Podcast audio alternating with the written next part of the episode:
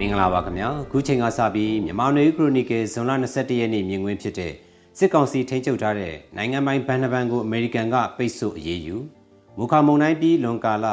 ရေးပေါ်ကူညီကန့်သက်ခံရတဲ့ရခိုင်နဲ့ချင်းပြည်နယ်ဆိုတဲ့ခေါင်းစဉ်ပါမိုးမခဆောင်းပါးကိုဖတ်ကြားပေးသွားမှာဖြစ်ပါတယ်။ဆောင်းပါးမှာတော့မြန်မာစစ်ဆိုးရရဲ့နိုင်ငံပိုင်ဘဏ်တစ်ခုဖြစ်တဲ့မြန်မာနိုင်ငံခြားကုန်သွယ်မှုဘဏ် MFTB နဲ့ မြန်မာရင်းနှီးမြှုပ်နှံမှုနဲ့ကုန်သွယ်မှုဘဏ် MICB ဘဏ်နှစ်ဘဏ်ကိုအမေရိကန်နိုင်ငံကပိတ်ဆို့ရေးယူမှုစီးရင်နဲ့ထည့်သွင်းလိုက်ကြောင်းအခုရက်ပိုင်းမှာအမေရိကန်ပြည်ထောင်စုဗဏ္ဍာရေးဝန်ကြီးဌာနကကြေညာလိုက်ပါတယ်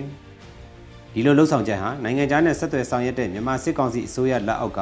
ဂုံတယ်ရေးဆိုင်ရာဘဏ်တစ်ဘဏ်ကိုပိတ်ဆို့ရေးယူလိုက်တာဖြစ်ပြီးဒီမတိုင်ခင်မှာတော့စစ်တပ်ရဲ့ပိုင်ဆိုင်မှုဖြစ်တဲ့အင်းဝဘဏ်လိုမျိုးကိုစစ်အာဏာသိမ်းပြီးနောက်ပိတ်ဆို့ရေးယူခဲ့ပြီးဖြစ်ပါတယ်။အခုလိုအစိုးရပိုင်ဘဏ်တစ်ဘဏ်ကိုပိတ်ဆို့ရေးယူရတဲ့အကြောင်းရင်းနဲ့ပတ်သက်လို့ အမေရိကန်ပြည်ထောင်စုဘက်ကတော့ဒီဘဏ်နှစ်ဘဏ်ဟာ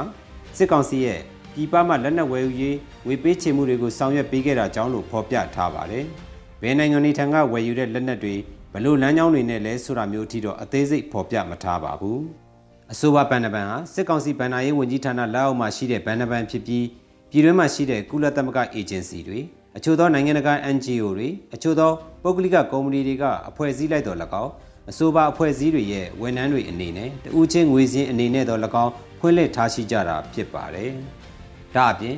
2022ခုနှစ်ထဲမှာပြည်ပမှာတင်မောသားလိုပြည်ပမှာအလုပ်သမားဖြစ်တွားရောက်လုပ်ကိုင်နေသူတွေ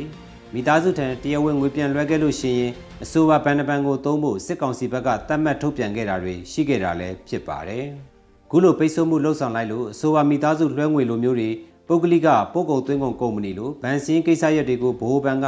ကင်တွယ်ဆောင်ရွက်ပေးသွားမယ်လို့စစ်ကောင်စီဘက်ကပြောထားကြောင်းလည်းသတင်းတပုတ်မှာဖော်ပြထားပါတယ်။အမေရိကန်ဗန်နာရေးဝန်ကြီးဌာနနိုင်ငံခြားပိုင်ဆိုင်မှုထိန်းချုပ်ရေးနဲ့ OFAC ရုံးကအခုလိုပိတ်ဆို့မှုချမှတ်လိုက်တဲ့နောက်ပိုင်းပိတ်ဆို့ခံရတဲ့ဘဏ်မှာဖွင့်လှစ်ထားတဲ့ဘဏ်စင်းတွေအနေနဲ့နိုင်ငံခြားငွေကြေးဒေါ်လာနဲ့ဖွင့်လှစ်ထားတဲ့ဝေပေးချေမှုတွေလွှဲပြောင်းမှုတွေကိုအခြားဆက်သွယ်ဆောင်ရွက်တဲ့ဘဏ်ကတဆင့်ဘလောက်ထိလှုပ်ဆောင်ရပြီးဘလို့အရာတွေကလှုပ်လို့မရဘူးလဲဆိုတာတွေအထိအသေးစိတ်တော့တိတိပပမသိရသေးပါဘူး မြန်မာနိုင်ငံတွင်းကပုဂ္ဂလိကကုမ္ပဏီတွေအနေနဲ့တော့အခြားနည်းလမ်းတွေရှာဖွေပြီးစီးပွားရေးလုပ်ငန်းနဲ့သက်ဆိုင်တဲ့ပေးချေမှုတွေလက်ခံမှုတွေကိုလှုံ့ဆော်ကြမယ်လို့မှန်းဆရပြီးစစ်ကောင်စီအနေနဲ့လက်နက်ဝယ်ရေးဆိုင်ရာကိစ္စတွေမှာအနည်းနဲ့များတက်ရောက်မှုတွေရှိလာကောင်းရှိလာနိုင်မှာဖြစ်ပါတယ်။တစ်ဖက်မှာတော့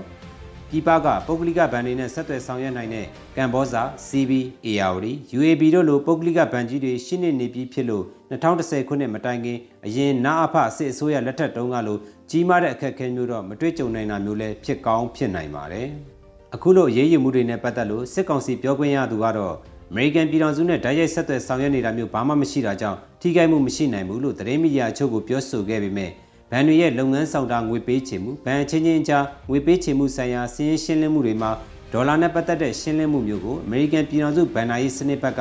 အတည်ပြုချက်စီးမြင်ဥပဒေတွေအရလုပ်ကန်ရတာမျိုးရှိတာကြောင့်အ ਨੇ နဲ့များထိခိုက်မှုရှိနိုင်တာဖြစ်ပါတယ်။ အမေရိကန်ပြည်ထောင်စုအနေနဲ့စစ်ကောင်စီဘက်ကိုဖိအားတွေတရပြီးတရတစ်ဖက်မှာလည်းစစ်ကောင်စီပြုတ်ကြရေးလက်နက်ကင်တိုက်ခိုက်တဲ့အင်အားစုတွေကိုစစ်ရေးမှအသုံးချနိုင်တဲ့ငွေကြေးလက်နက်လိုမျိုးမကူညီဘူးလို့စစ်အာဏာသိမ်းမှုပြီးကစားကလေးကအတိပေးကြေညာခဲ့ပြီးအာဏာသိမ်းစစ်ဆိုရကိုဖိအားဖြစ်စေမဲ့တဦးချင်းပိတ်ဆို့မှုတွေစီးပွားရေးပိတ်ဆို့မှုတွေကိုတော့ပြီးခဲ့တဲ့နှစ်နှစ်ကျော်ကာလအတွင်းလှုံ့ဆော်ခဲ့တာတွေ့ရပါတယ်။ယခုနှစ်အမေရိကန်မျိုးသားကာကွယ်ရေးဥပဒေ NDA မှာတော့ လူသေးစေနိုင်တဲ့လက်နက်မဟုတ်တဲ့အကူအညီတွေကို NUG, CRPH NUCC နဲ့ EAO အဖွဲ့အစည်းတွေကိုပေးအပ်ဖို့ထည့်သွင်းရေးဆွဲထားတာဖြစ်ပါတယ်။သို့ပေမဲ့အဆိုပါကူညီတွေကမူဝါဒတွေလုံထုံးလုံနည်းတွေတဆင့်ကန်အဖွဲ့အစည်းတွေနဲ့ချိတ်ဆက်ဆောင်ရွက်တာတွေလုပ်နေစေလို့မှန်းဆရပြီးအခုချိန်ထိတော့အကျိုးခံစားရမယ့်သူတွေထံမရောက်ရှိသေးပါဘူး။ဒီကနေ့ဖို့အခြားသတင်းတစ်ပုဒ်ကတော့မိုခါဆိုင်ကလုံးတန်ကြောင့်လူသားချင်းစာနာမှုအကူအညီလိုအပ်နေသူတွေကိုကုလသမဂ္ဂအနေနဲ့လွတ်လွတ်လပ်လပ်ကူညီခွင့်မရသေးကြောင်း ကုလသမဂ္ဂလူသားချင်းစာနာမှုအကူအညီပေးရေးအဖွဲ့ UNOCHA ကဇွန်လ19ရက်နေ့စွဲနဲ့ထုတ်ပြန်ကြေညာလိုက်ပါတယ်။မုန်တိုင်းတိုက်ခတ်ပြီးတော့တလကျော်ရောက်လာသည့်တိုင်အကူအညီပေးဝေရေးတွေမှာလိုအပ်တဲ့ပစ္စည်းတွေတင်သွင်းရေးတွေမှာစစ်ကောင်စီဘက်ကအကန့်အသတ်တွေချမှတ်ထားဆဲဖြစ်ပြီးအကန့်အသတ်နဲ့သာအကူအညီပေးနေရတဲ့အကြောင်းကုလသမဂ္ဂအဖွဲ့အစည်းကထုတ်ပြန်လိုက်တာဖြစ်ပါတယ်။မုန်တိုင်းတန်အဆိုးရဆုံးခံရတဲ့ရခိုင်ပြည်နယ်မှာနေမိုးမရှိသေးပဲနေထိုင်ကြရတဲ့မိသားစုတွေတန်ရှင်းတဲ့တောက်သုံးရည်မရရှိသေးတာမုန်တိုင်းတန်အမိုးကမရှိတဲ့တန်နဲ့ ရေနံရိတ်ခါအခက်ခဲကြကဖြစ်ပွားလာတဲ့ကျန်းမာရေးပြဿနာတွေနဲ့ပတ်သက်လို့ရေးပေါ်ကူညီတွေလိုအပ်နေကြသလိုအတမွေးဝမ်းကြောင်းကိရိယာတွေဖြစ်တဲ့စိုက်ပျိုးရေးလုပ်ငန်းဆိုင်ရာပစ္စည်းပစ္စည်းတွေ